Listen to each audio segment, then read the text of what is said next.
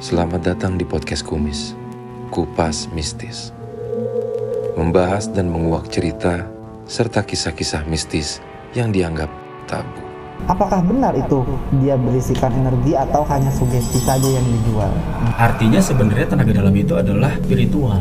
pada saat saya lengah masuk dia saya masuk udah selesai Ini dia Kumis. Assalamualaikum warahmatullahi wabarakatuh. Waalaikumsalam. Jumpa lagi para sahabat seru bersama kami di sini di program Kumis Kupas Mistis di channel Seru Transvision.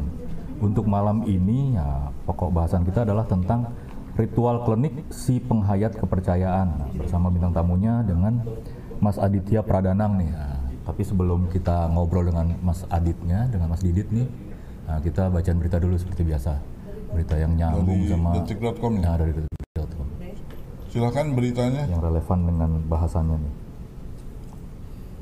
Nah ini Pesugihan. pesugihan uang halal logikanya di mana? Oh, Jadi sebenarnya ini hanya menerangkan. Jadi berita ini menerangkan uh, karena akhir-akhir ini sering di apa lewat SMS tuh banyak pak marak pak. Jadi SMS itu nawarin uh, penggandaan uang, pesugihan uang halal. Makanya tapi tapi masalah pesugihan kenapa jadi halal kan ya hal aneh gitu. Banyak yang pengen instan ya. Iya, nah itu, nah ini sebenarnya ini di apa di komentarin ya sama ketua satgas waspada investasi ini uh, Tongam El Tobing. Nah dia sebenarnya hal-hal kayak gini nih sebenarnya dari dulu sebenarnya ada aja, cuman uh, ya tergantung kitanya gitu. Nah, Tapi emang ini sebetulnya memanfaatkan di mana orang yang nggak mau susah payah gitu loh pak, mau bisa dapat duit banyak tapi nggak Iya. mau uh, capek gitu. Duit cepet ya. Iya. Mana ada duit cepet. Ah, ah. Jadi sebenarnya kalau dari berita ini sebetulnya ringkasannya lagi nih. Uh, sebetulnya uh, ini tuh hanya beda bajunya aja gitu. Iya. Jadi pada isinya tuh nawarin uh, penggandaan uang atau bisa ngasilin uang lebih tanpa susah payah. Iya. Modusnya cuma kayak gitu ya, cuma modusnya kalau yang dulu kan ada yang investasi bodong Iya. atau apa uh, money games gitu kan. Nah, sementara kalau yang ini uh, bajunya klinik gitu. Jadi sebenarnya ya pada dasarnya sama, nawarin orang yang pengen punya duit tapi nggak mau capek gitu Iya, aja sih sebenarnya. Ya, Ada lagi berita lain? nggak ada cuma satu itu aja pak. Nah juga Oh, kita juga eh, minta maaf juga nih kita masuknya tadi terlambat nih. Nah, mungkin Oke eh, kita sapa dulu ya. siapa dulu? Enggak, ya, siapa dulu bintang tamu kita? Oh bintang tamu, oh iya bener ya. Oh, Mas Didit, jumpa lagi sama Terima kami. kasih, Mas Assalamualaikum, Didit. ketemu lagi. Waalaikumsalam warahmatullahi wabarakatuh. Kemarin lebaran ke mana jalan-jalannya? Ah, jalan-jalan di bawah pohon pokoknya. Mas Hendro silakan minta maaf dulu Oke, nih. kemarin kita 2 menit. ketemu pertama waktu bulan puasa ya. Bulan puasa. Hmm. Oke nih kita sapa nih yang itu dari tadi udah nggak sabaran nunggu kayaknya. Menunggu. gitu. Nasia underscore editor menunggu. Waduh, Galih Putri Kinasih masih menunggu. Galih Putri Kinasih lama kali. Iyalah, maaf tadi ada masalah. Pesilat cantik nungguin ya. WKWK. Waduh, Galih Putri iya lama. Vivi Octavia lama banget dah. Ini semuanya komplain nih. Galih Putri Kinasih masih lama nggak sih? Pesilat cantik. Aku yang nge-lag atau emang belum mulai? Eh belum mulai kok mbak.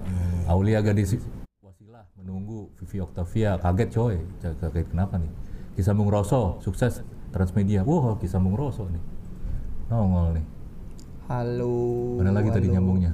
Oh pesilat cantik. Lama banget Dewi Kurniawati. Suaranya kecil banget. Siti Aulia lama banget. Dong dong dong. Aulia kasih Wasila Papi. Wah siapa nih. Galih Putri Kinasih Wih, Medan. Nah, dah mulai kan. Nah, Sep, Sep, Septia, halo. Halo Papi Didit. Waduh. Oh, Papi Aulia, gadis Wasila, halo Papi, salam. Wah, ini ini salam dari Jepara nih kayaknya sebutannya ini, sebutan sayangnya Papi ya. Mas Didit nih. Papi semua. Oke nih, kalau ini banyak nih kayaknya semua minta disapa nih. Ya. Ya, Nanti- semua sapa aja dulu sih, belum ada pertanyaan kayaknya. Iya. Nggak bak. Oh kalau nggak Nanti kita baca lagi respon dari Ya alhamdulillah viewer. sekarang udah tahu. Waalaikumsalam warahmatullahi wabarakatuh. sabar geng, sabar geng. Sabar geng. Papi sapa dong, waduh. Waduh. Deli Willy, waduh semuanya minta disapa semua Iya. ini. Wah, Papi Didit makin keren katanya. Oh Ya iya udah. dong. Mas Hendro, kita langsung Iya, aja ke langsung aja. permasalahan ini nih sekitar dunia klinik. Heeh. Mas Didit gimana nih? Masih banyak yang percaya dengan klinik eh, pesugihan dan lain-lain, Hmm. terutama kayak tadi tuh penggandaan uang kayak gitu-gitu tuh. eh, Pesugihan tapi halal. Heeh, kan aneh kan? Saya tuh aneh. dan dunia klinik eh, ya ada lah yang hubungannya dengan macam-macam, ada yang perjodohan dengan rezeki, tapi rezeki cepat. Bagaimana menurut pengalaman Mas Didit? eh, Kenapa masih banyak yang seperti itu? Pertama, kenapa masih banyak yang menawarkan atau yang memberikan iming-iming seperti itu? Paling pertama banget adalah karena ada marketnya. Karena Oh iya, butuh. karena, iya, karena marketnya, oke. Oke, uh, pertama karena ada marketnya. Heeh. Yang kedua adalah kurangnya pengetahuan di ranah tersebut. Karena semakin cerdas orang-orang itu, maka penipuan yang receh kayak gitu sebenarnya nggak perlu terjadi. Hmm, Udah nggak makan harusnya. ya? Nggak kemakan harusnya itu. Berarti yang pertama marketnya masih ada. Sorry. Yang kedua edukasi yang kurang. Edukasinya ya. Dan yang ketiga ini yang ya mohon maaf sebelumnya bahwa pemuka masyarakat, pemuka agama dan orang tokoh-tokoh penting yang ada di masyarakat itu perlu juga mengedukasi warganya untuk itu. Karena ya, hal yang berhubungan dengan klinik itu cuma bisa dibatasi dengan kearifan lokal. Oh, iya. Kalau diadu dengan undang-undang atau hukum-hukum tertulis ya itu gitu akan ya. selalu bentrok Iya. Gitu. Jadi Ya. peran, peran tokoh-tokoh masyarakat ini penting banget. Kalau fenomena jimat itu gimana, Mas Didit? Memang betul ada atau hanya sugesti atau apa? Hmm, kalau Misalnya jimat, si tokoh tertentu, oh dia punya jimat tuh, Mm-mm. cincinnya punya, Hmm, buat Oh, buat penglaris apa atau gitu. apa, buat kekuatan atau dia apa. punya keris sakti itu, gitu. gimana? Jadi Itu namanya jimat kan? Apa Ya. jimat kan? uh, bisa bisa disebut jimat, bisa disebut ageman, Ageman. pegangan, Uh, mungkin dilogikakan aja ya. Tapi sebelum dilogikakan, aku mau kasih contoh sedikit bahwa yang namanya jimat, raja, isim itu dikatakan ada, ya ada. Tapi uh, untuk bisa dibilang itu cuma sugesti atau memang betul-betul bertuah Hmm. Itu perlu dilihat kebendaannya lagi. Contohnya, hmm, seperti benda-benda yang su- sering dipakai raja. Raja. Ya, ya, ya. Ya, benda-benda yang dipakai secara pribadi oleh raja. Misalkan ini cincin punya raja. Hmm. Apakah setelah rajanya meninggal cincinnya masih dianggap mewah? Tergantung bahannya sih kalau menurut saya. Hmm. Tapi itu punya raja. Oh. Bahkan ikat kepala dari kain pun ya tetap itu adalah punya raja. Hmm. Nah, di situlah yang eh, disebut tuah. Hmm. Oh. Nah, karena dipercaya memiliki tuah, memiliki tuah dari kewibawaan sang raja yang mempengaruhi itu ya makanya orang-orang itu menyukai atau menginginkan benda-benda tersebut. Hmm. Beda lagi Ya. dengan benda yang sengaja dibuat agar mendatangkan tuah. Oh beda lagi ya. Keris raja itu memang sengaja dibuat Heeh, heeh. untuk mendatangkan suatu manfaat lebih secara esoteris atau secara tak kasat mata. Hmm. bercabang lagi saat eh, sebuah benda memang benar-benar diisi sebuah energi diisikan entitas atau raja tertentu apakah benar itu dia berisikan energi atau hanya sugesti saja yang dijual Hmm, Nah gitu. itu lagi tuh. sama halnya kayak orang jual obat Iya. jual obat dalam bentuk kapsul yang kita nggak tahu isinya apa Iya. ada yang dia menjual obat dalam bentuk kapsul yang benar-benar ini isinya eh, misalnya kunyit dan jahe Ya. untuk membersihkan pencernaan dan Iya. menghangatkan badan. Ada yang benar-benar diisi kunyit dan jahe, ada yang diisi benda lain Hmm. Yang kita nggak tahu apa. Iya. Nah di situlah unsur abu-abunya Hmm. bahwa tanpa edukasi lagi tadi ya balik lagi ke awal tanpa edukasi yang mencukupi dengan pasar yang kurang teredukasi Hmm. rawan sekali penipuan gitu. Oh. Berarti kalau memang kalau tapi apakah itu memungkinkan mas? Jadi tadi kan mas Didi cerita ya, kalau misalnya orang berwibawa gitu, misalnya raja atau apa dia pakai cincin atau pakai ikat kepala apa, apakah itu benar-benar bahwa barang yang itu setelah dia apa rajanya itu meninggal atau apa terus itu benar-benar jadi barang yang bertuah gitu?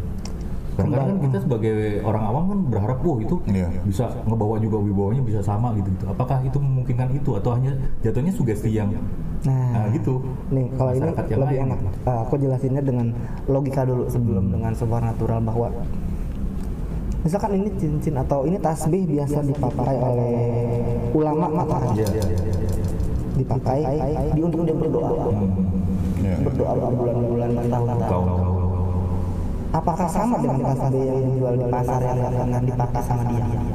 Di mata masyarakat yang lain. Dengan wibawanya dengan solehnya dengan keagungan ulamanya mungkin saja itu lebih baik daripada tasbih yang tidak pernah Yang dipakai. dipakai ya. Hmm. Setidaknya ada sisi hmm, apa disebutnya romantisme Heeh. bahwa untuk seseorang yang sangat dikagumi dan dihormati itu benda-benda pribadinya akan menimbulkan sebuah kekaguman buat orang-orang sekitar. Hmm. Karena saya agak-agak rancu gini. Kalau memang seperti itu kan punya kekuatan dalam tuah. Ya. Tapi kan kadang-kadang kita juga misalnya memorabilia gitu. Misalnya Memorabilia. eh, bajunya Kurt Cobain lah gitu. Karena bisa buat penggemarnya tua-tua suatu hal yang berharga banget. Nah. Tapi apakah seperti itu jatuhnya gitu?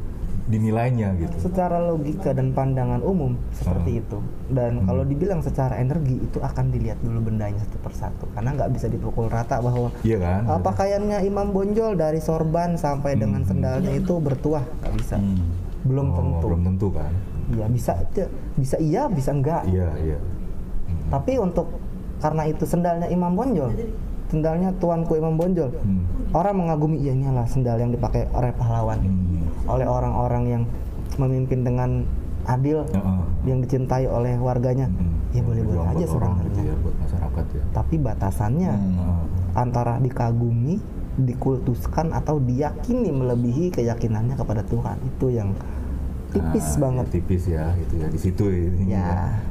ini apa batasnya di situ ya? Ya, karena kalau yang tadi yang Mas Didit cerita bahwa memang dibikin ada tuahnya oke lah saya paham ya Hmm. Ya kan itu kan diisikan dengan gitu. tujuan tertentu. Ah, ah, tapi kalau sesuatu yang memang nggak ada apa-apanya tapi karena memang dipakai eh tadi kayak misalnya kiai sebenarnya ya tasbih biasa cuma Ya, sebenarnya tasbih biasa, asal zikir ya pakai itu terus bertahun-tahun puluhan tahun mungkin itu ya mungkin ya pasti mungkin ya bisa di- beda dibandingin sama beda yang yang yang belum bukan beda dipakai, gitu. bisa saja nilai romantismenya yang membuat itu eh, tasbih itu lebih berharga dibandingkan tasbih yang lain Hmm.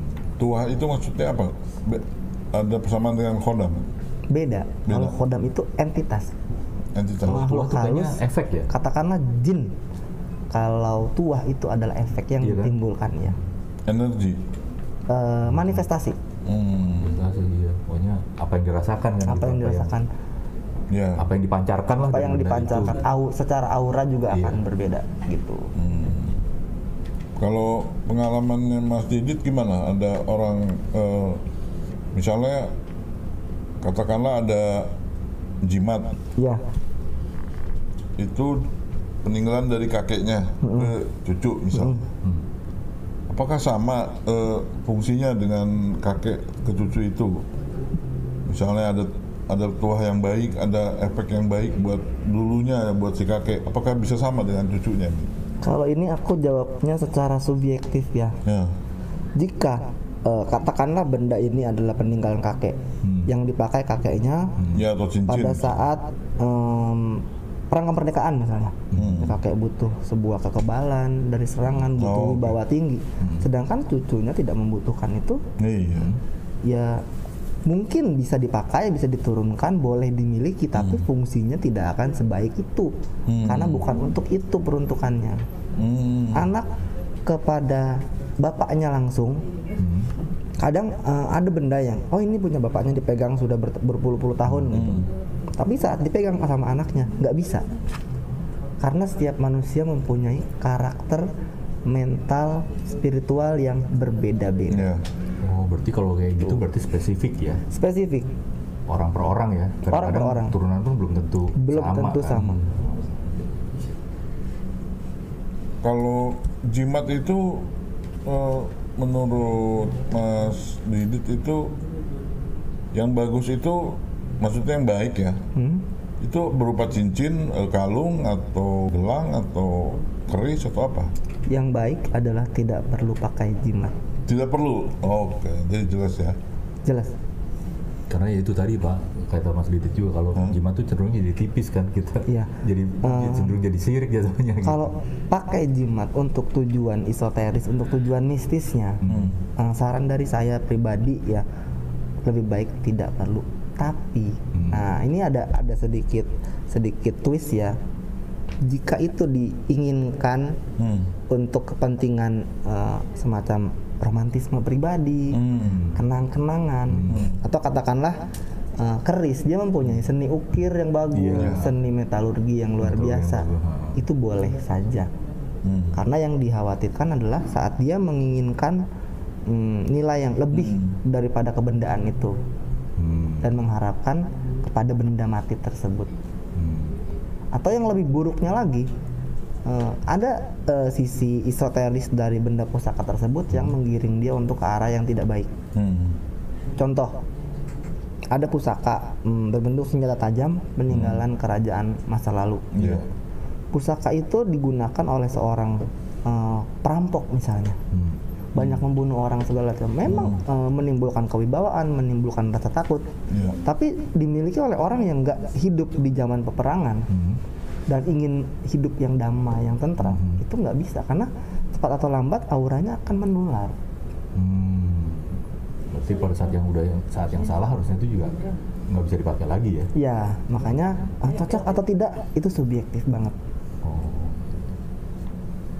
Gitu. Kalau mahar itu itu biasanya apa ya? Berupa konsekuensinya apa? Apakah hanya kita membayar sejumlah eh, uang atau apa?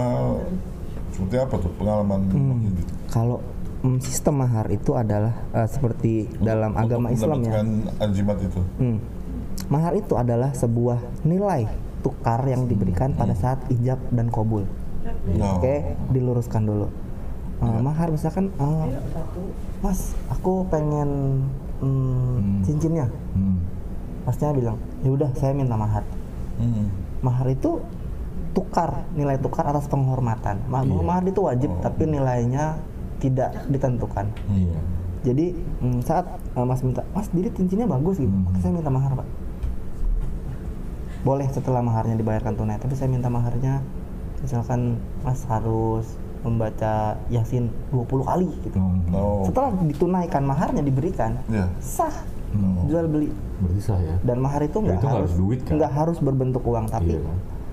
mahar yang sudah dimintakan itu harus dibayar Hmm. agar tidak ada eh, penistaan atau penilaian yang kurang terhadap keilmuan yang digunakan atau kebendaan yang diserah terimakan. Hmm. Dan itu kan jatuhnya kalau belum dibayar berarti hutang juga kan? Kalau Hutang mahar ya juga. kan? dan tidak sah. Nah iya berarti nggak nggak sah. Gitu. Ya. kan. Nah ini ah, ini ada pertanyaan dulu nih Mas Didi. Ini agak melenceng sedikit sih. Mhm. Coba yang di atas tadi tuh turunin dikit. Enggak, ah itu dari Septia nih. Tapi Didit, aku mau nanya sebenarnya itu pocong mukanya gosong atau hancur atau enggak? Atau enggak. Nah, serius, nih nanyanya katanya. Tergantung potongnya ya. Kalau yang potongnya mungkin eh, baru tiga hari empat hari mungkin baru bengkak doang. Kalau pocongnya korban kebakaran pasti gosong. Oh gitu. Iyalah. Enggak, saya belum. Makanya saya, saya juga dulu perasaan makanya, wah saya tanya juga karena saya penasaran Hmm, juga. kalau karena yang- selama ini kan saya juga dengar gitu bahwa mukanya pocong itu hitam gitu. Apa apa bener ya gitu. Nah ini mulai Hmm. Ini boleh pertanyaan dilurusin nggak nih? Boleh dilurusin nggak nih? Ah. Bahwa pocong itu adalah figur kematian yang ditakuti oleh manusia, Hmm. khususnya di negara-negara dengan Islam ya, kepercayaan Islam yang lebih banyak dengan karena dikubur dikafankan, dengan kan? figur seperti itu. Hmm. Jadi kalau di compare sama eh, Eropa atau wilayah Asia yang lain, Ya. mereka punya figur mayat hidup Beda lagi, yang iya. berbeda dan itu adalah figur kematian. Hmm. Jadi rasa takut manusia terhadap kematian itu termanifestasikan menjadi bentuk tersebut. Oh, oke. Sebenarnya itu ya. Jadi sebenarnya kalau masalah mukanya ya tergantung ini kita juga kan. Hmm. Maksudnya karena apa yang kita takutin kan mereka juga kadang baca juga kan. Ya, mereka Akhirnya kan memunculkan seperti juga. itu kan. Mm-mm. Gitu. Gitu. Jadi itu cuma figur figur mayat hidup apa sosok kematian yang bakal dihadapi ya itu ya semua manusia pasti takut mati. Iya memang. Itulah kenapa di Eropa nggak ada pocong, adanya vampire. Iyalah, adanya Iya. vampir orang dia budaya nggak Nah, gitu. gitu Nah ini ada lagi Betul. Rizky Priya Ananda. Nanda Wah ini Mas Nanda nih. Dit bahas untuk soal pusaka karena sebagian ini ada yang tidak bisa membedakan pusaka kamardikan atau bukan, bukan. oke Nah itu kamardikan sendiri apa tuh? pusaka kamardikan itu lebih ya yang dimaksud Mas Nanda itu adalah kebendaan yang berhubungan dengan tempaan besi tempa Oh, senjata tajam senjata keris ya? tombak keris. Tombak kayak gitu ya. di Jawa keris ya. kamardikan itu Hmm. adalah benda-benda pusaka kebendaan itu yang dibuat setelah masa kemerdekaan Oh gitu. dengan hanya mengikuti pakem-pakem yang sudah ada Kemerdekaan 45 itu? Iya.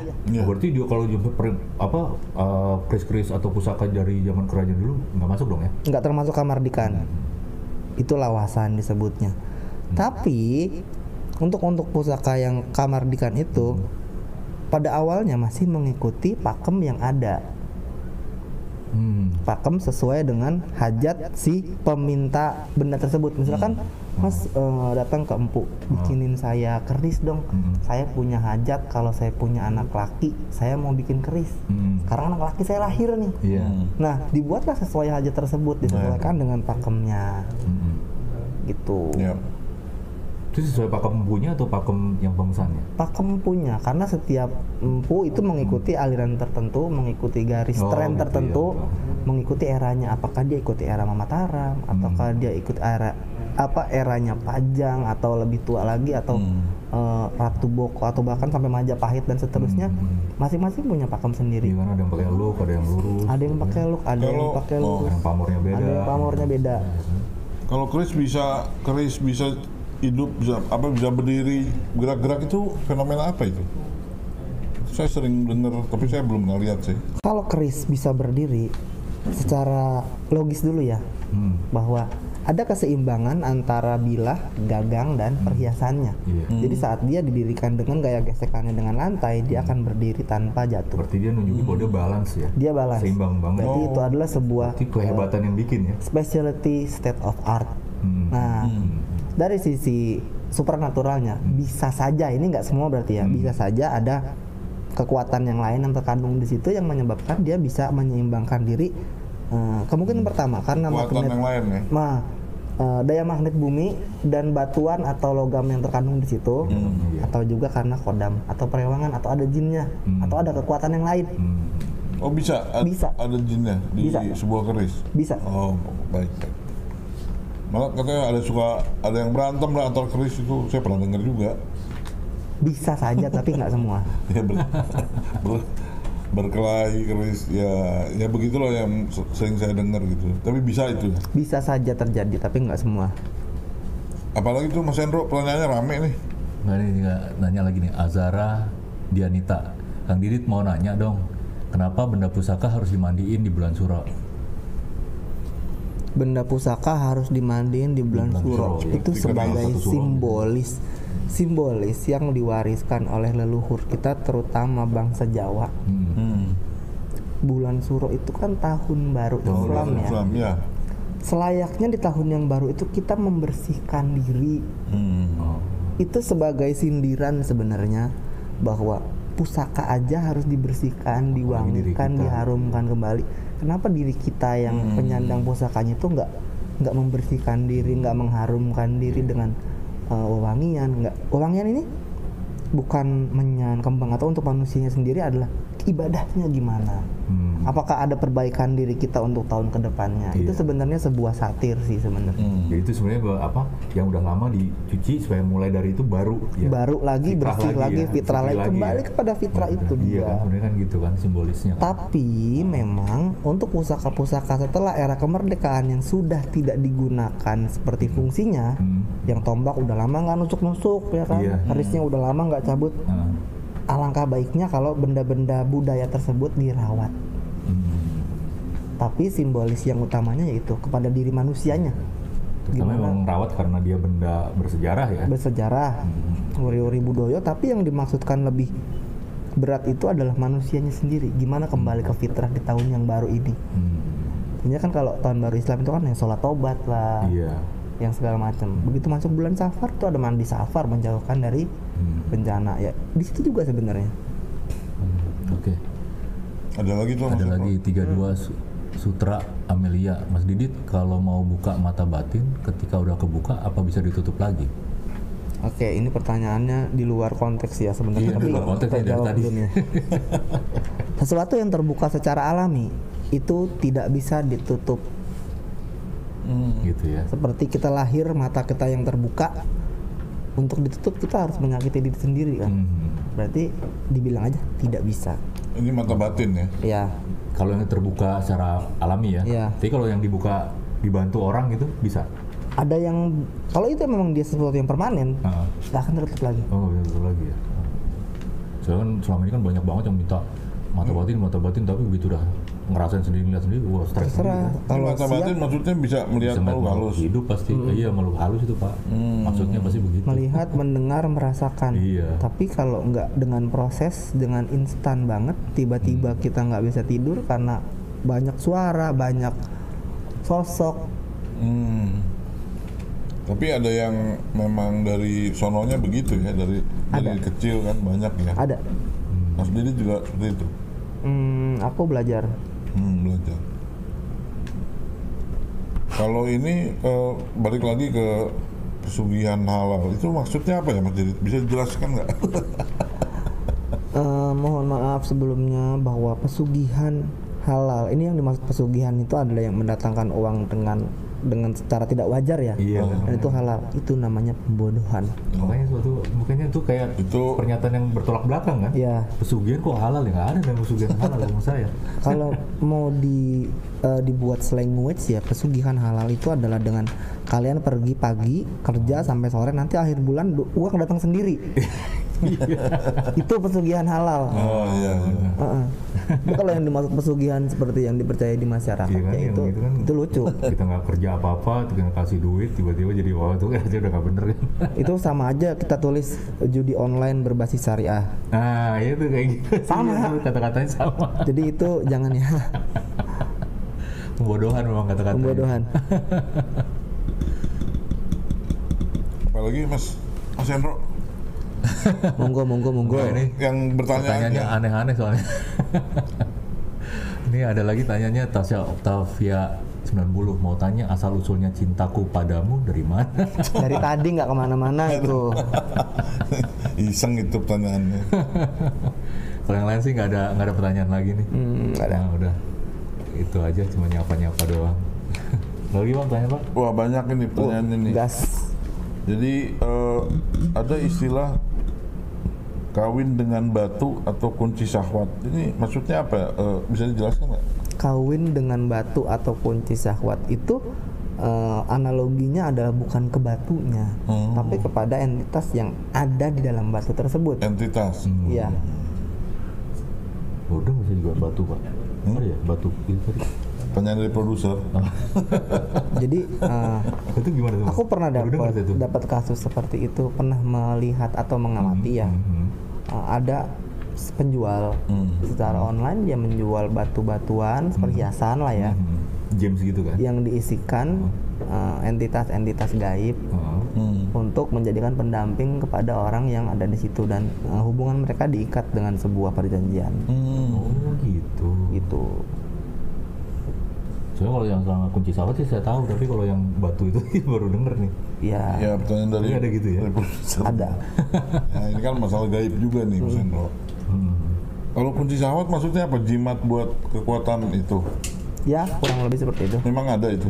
ada tapi oh, tidak untuk diikuti apalagi digunakan oleh yang belum mengerti kalau udah mengerti ya bawalah ke jalan anda sendiri-sendiri Bahaya nih ya. bahaya Ada risiko ya. Jadi kalau itu pernah dibahas tuh kalau nggak salah Pak, kalau kunci sahwat. Jadi Iya, kan, iya.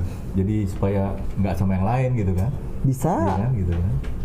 nggak sama yang lain nah aku pernah dapat kasus eh, ini kita masih dalam konteks ya. Ah. Aku sahabat.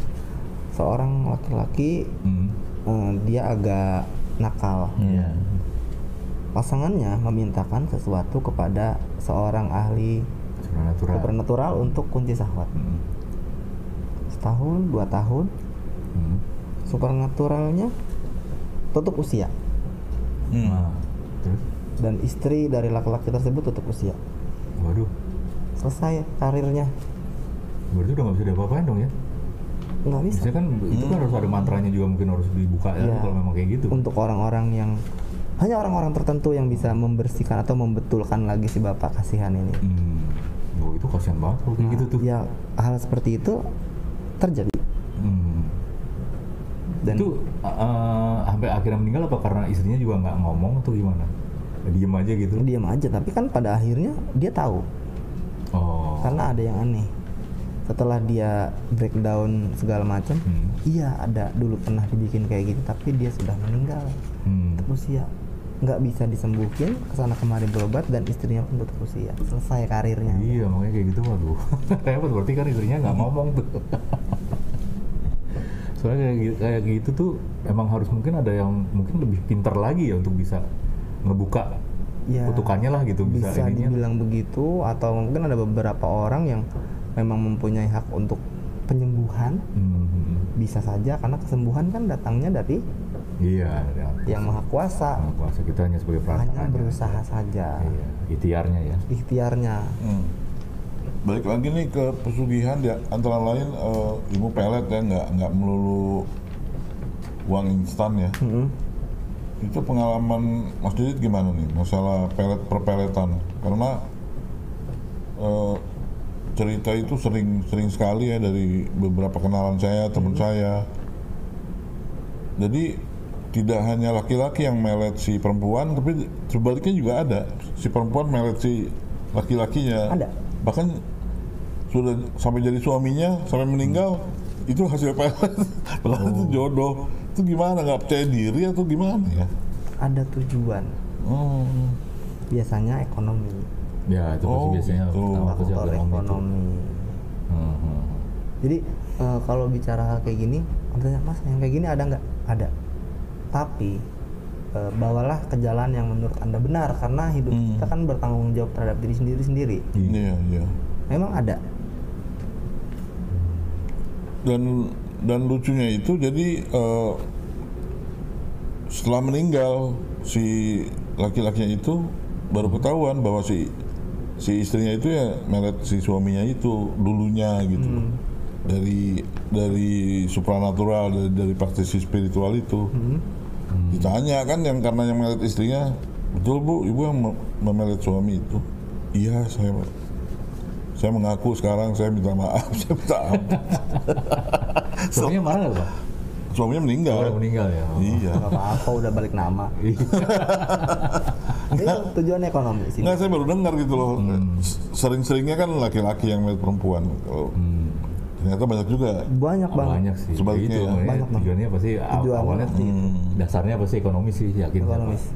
gitu pada umumnya ya iya kan kayak pelet pengasihan itu pasti ekonomi bedanya pelet dan pengasihan adalah uh, target iya targetnya kalau pelet kan dia uh, spesifik satu Hmm, orang hmm, aja kalau pengasihan dia menebarkan aura Auranya ya. kepada Hmm. Siapa pun orang yang ada dekat situ ya. siapa pun tapi nggak spesifik Hmm. lebih halus lah Hmm. Pengalaman apa lagi yang yang sangat yang kontroversial nih dari pasti Mas Didit sebagai praktisi spiritual banyak lah. kontroversial dalam hal Ya maksudnya yang mungkin kayak masalah pelet, uh nggak nyangka juga gitu loh. Padahal eh, dua-duanya cantik, dua-duanya ganteng, apa yang mesti dipelet gitu loh. Misalnya selain faktor ekonomi, faktor apa lagi tuh ya? Hmm, nggak ada sih Nggak ada, pasti ekonomi ya. ekonomi rata-rata ya gitu sih pak ekonomi dan sakit hati Hmm. Oh, kita hati ya. faktor sakit hati oh karena pernah ditolak mungkin ya ya atau pernah cuma dua diremehin ekonomi gitu ya? dan sakit hati itu aja sih pada umumnya Oh iya benar, gitu ya. kalau sakit hati ditolak. iya kan Benar juga. jadi dia pengen buktiin ah lu dulu abang remehin saya gitu wah saya buktiin saya bisa dapetin kamu Iya. gitu kan itulah Masih ada tuh Mas Hendro tuh yang Apa? Yang menyapa tuh. Masih banyak bang kalau nyapa pak Tapi pertanyaan Iya. apa lagi pertanyaan nggak ada lagi ya? Nah, ini ada lagi pertanyaan tapi ya nggak nyambung juga sih. Hmm. Tasya Octavia 90 Pi mau nanya asal usul Mbak Kunti pakai daster dari mana? oh itu ada di OL shop aku nanti bisa baca di deskripsi ya oh gitu. Oh ini berarti itu mengacu dari ceritanya Mas Didit. Enggak itu kan dia Terus asal usul Mbak Kunti pakai daster dari mana dia beli di OL shop Oh, Kalau lagi pandemi nggak nggak bisa ke toko, nggak bisa ngantri. oh iya. iya. Enggak di dasar berarti dia udah di rumah tuh, makanya pakai daster. Hmm, udah santai. Udah Adem santai. soalnya. ada, ada lagi bang? Masih Tanya banyak, aneh-aneh. masih banyak. Karena ini eh, apa masalah penelusuran, penelusuran yang yang hubungannya dengan pesugihan. Misalnya nggak usah jauh-jauh lah di sekitar Jakarta itu ada beberapa tempat atau hanya sedikit aja kalau di Jakarta untuk mendapatkan. Untuk mencari pesugihan. Iya. Itu Ini- belum salah kayak ya, ada Ini ya. se- se- karena untuk edukasi ya. Ah, ah. Jadi tolong didengarkan bahwa untuk mendapatkan pesugihan itu tidak perlu ke gunung, tidak perlu ke gua. Hmm, Cukup dengan Anda yakin saja. hmm. Jadi, Yakin ya? yakin. Tapi dengan kita meyakini eh, untuk meminta kepada zat selain Tuhan yang Maha Esa, itu resiko ada di pundak Anda sendiri. Hmm. Betul. Jadi kuncinya bukan di gunungnya, bukan di guanya, bukan di keramat, tapi di hati Anda sendiri. Di hati ya. Karena saat hmm, kita mempunyai keinginan yang kuat terhadap hal itu, Hmm. maka saat ada jin atau entitas lain yang mendengarkan hal itu, dia akan datang di situ dan jika dia mampu, dia akan memberikan apa yang kita minta nanti dengan timbal balik, ya, dengan perjanjian kan. dengan perjanjian. Timbal balik pasti ya begitu soalnya kalau selama ini kan yang saya tahu ya kayak gitu yang namanya pesugihan tuh pasti ada timbal baliknya nanti Pasti. nggak mungkin gratisan aja kan Dan yang menjadi soal adalah terkadang dari manusianya sendiri Hmm. nggak bisa mengetahui sampai batas mana dia harus menjaga itu Hmm. Nah, batasannya. nah, Di situlah tertipu. Kadang gini, ada hal pantangan yang sangat simpel sekali. hmm.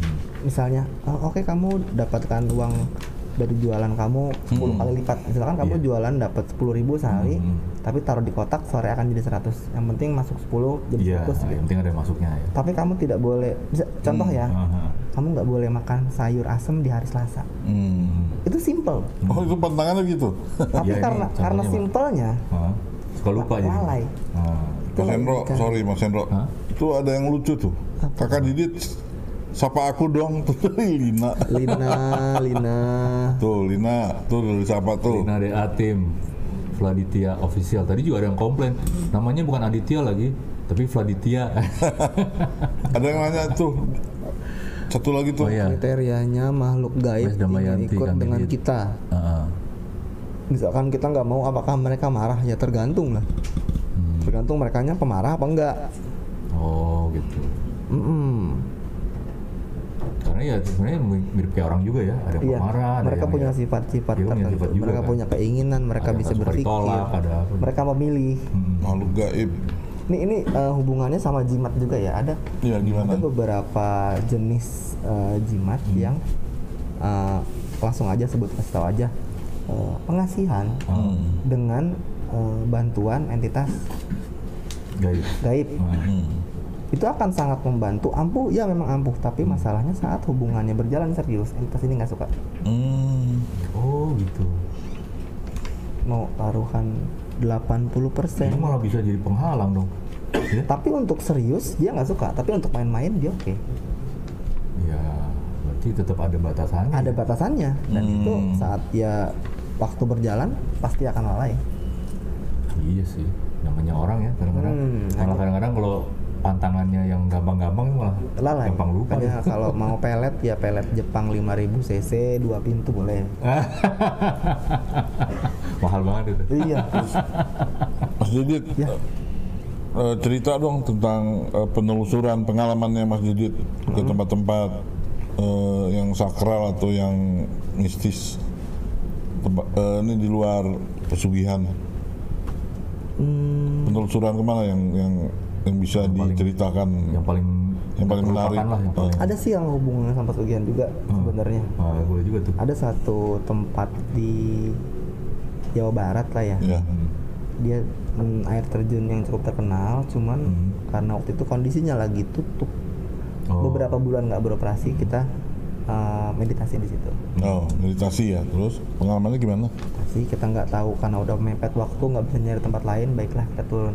Hmm.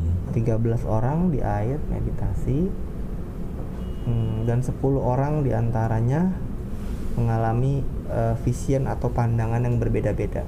Oh, seperti apa itu? Ada yang dihampiri wanita cantik, No, ada yang dihampiri oleh ikan mas, Hmm. ikan mas. ada yang dihampiri oleh wanita cantik juga tapi nggak nggak terlihat muka, cuman selendangnya. aja. Hmm. Oh. Karena waktu itu saya di situ jaga, Hmm. eh, hmm, ada yang nitip orang-orang ini tolong dianterin ya. Hah? Saya cuman memantau aja, waspada. Itu siang atau malam? Itu malam, Malam ya? Jam berapa tuh? jam 10-an. Hmm. setelah uh, dari situ baru kita tahu ternyata air terjun ini suka dipakai untuk meminta-minta Cuma minta minta. ya Oh, seperti tapak gitu.